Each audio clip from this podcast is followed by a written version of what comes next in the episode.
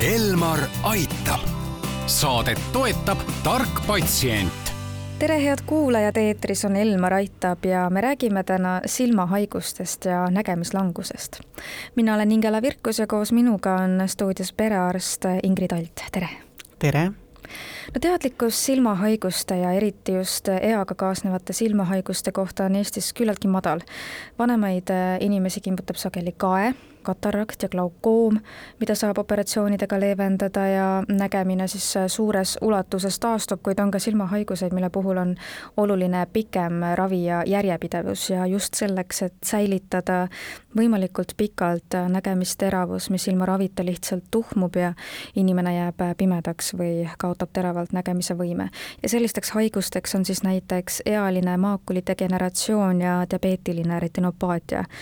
mis on nende haiguste esmased sümptomid ja kuidas mõjutab selline diagnoos elu? Et jah, et eks need mõlemad olid sellised küllaltki rasked äh, diagnoosid, et kui diabeetiline retinopaatia puhul inimene võib-olla isegi ootab, sest ta on diabeetik ja ta on suhkruhaige, talle on seletatud, et ta peab oma silmapõhjasid käima kontrollimas, et teda võib selline haigus ohustada, siis maakulidegeneratsiooni puhul on see, et inimene ei tea, et selline haigus võib teda ohustada, et see võib järsku tekkida, et sellel on küll avastatud geen ja arvatakse, et ta on geneetiline haigus, aga, aga inimesele jah, tulebki võib-olla esimese ehmatusena see, et et kui ta hakkab näiteks ruudulist paberit vaatama, et siis ta nagu teatud kohti ei näe ja seal on teatud tähed kadunud, kas nad on hägused või on nagu siksakiline see rida, et ei ole enam sirge korralik rida või siis on selline noh, hallikas või tumedam laik seal ees. ja eks nad on sarnased sümptomid ka diabeetilise puhul, kus on siis nagu tegemist äh, võrkesta siis sellise tursega ja, ja, ja seal samamoodi järsku on mingi osa, osa nägemisest äh, kadunud, et osa on küll terav, aga osasid kohti ei näe aga mis nendest haigustest veel märku võivad anda, et te mainisite Äh, näiteks seda, et kui ruudulist paberit vaadata mm -hmm. ja sellised äh, need ruuduosad, siis need ääred muutuvad mm -hmm. siksakiliseks, aga kas midagi veel, näiteks kas või füüsiliselt inimene tunneb, et ei, inimene ei tunne füüsiliselt mitte midagi. et võib-olla noh, mõnikord on, et tal on eelnenud sellele mingisugune psüühiline stress või midagi, mis nagu vallandab, aga põhimõtteliselt ei, et kui me räägime maakulidüstroofiast, siis see sageli ju algab peale kuuekümnendat eluaastat või peale kuuekümne viiendat, kui inimesed jäävad pensionile, pensionile. eks neil siis on palju ka elumuutust ja, ja, ja võib-olla ka sotsiaalselt on inimesed natukene kaugenenud. ja, ja nad mõtlevad oi-oi, et näed, nüüd ma ei näe või et mul on nägusaks muutunud, ma nagu ei näe hästi, et ma pean minema prille uusi tellima, et see on tavaline, siis inimene nagu lähebki optimetristi juurde ehk prillipoodi, kus siis vaadatakse silmapõhjasid ei vaadata, võib-olla silmarõhku mõõdetakse ja, ja proovitakse siis saada nagu paremat prilli. aga see parem prill ei anna efekti noh, võib-olla natuke annab, sest ta suurendab veidikene see pluss, eks ju, ja ja kui see pilt on natukene suurem, siis võib-olla noh, see osa, mis on kahjustunud, paistab nagu väiksem. ehk et optometrist on see, kes tegeleb rohkem siis just mm, nägemisega seotud vaevuste leevendamisega ehk siis prillidega pigem. E, optimetrist on optikamääraja ehk siis prillimääraja, ütleme eesti keeles, eks inimene, kes,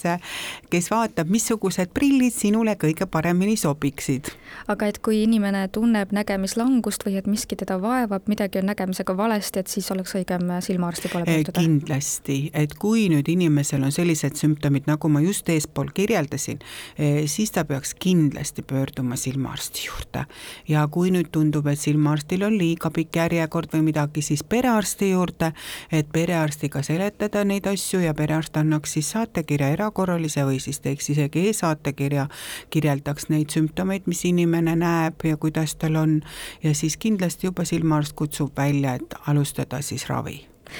kuidas nägemine selles mõttes, ma ei saa öelda, et areneb, aga ütleme, et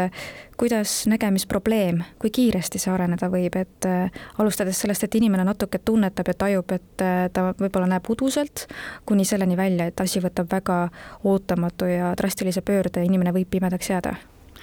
et selline võrkkesta kahjustus nagu on maakuladüstroofia, kullatähni kärbumine, et ega see tuleb täitsa kiiresti, et ega seal väga ei olegi nii, et nüüd natukene ja natuke, et võib-olla see protsess ise areneb nagu järjest halvemaks, aga see probleem, et ma nüüd ei näe, et mul on teatud koht, mis on täitsa tume must või on nägune või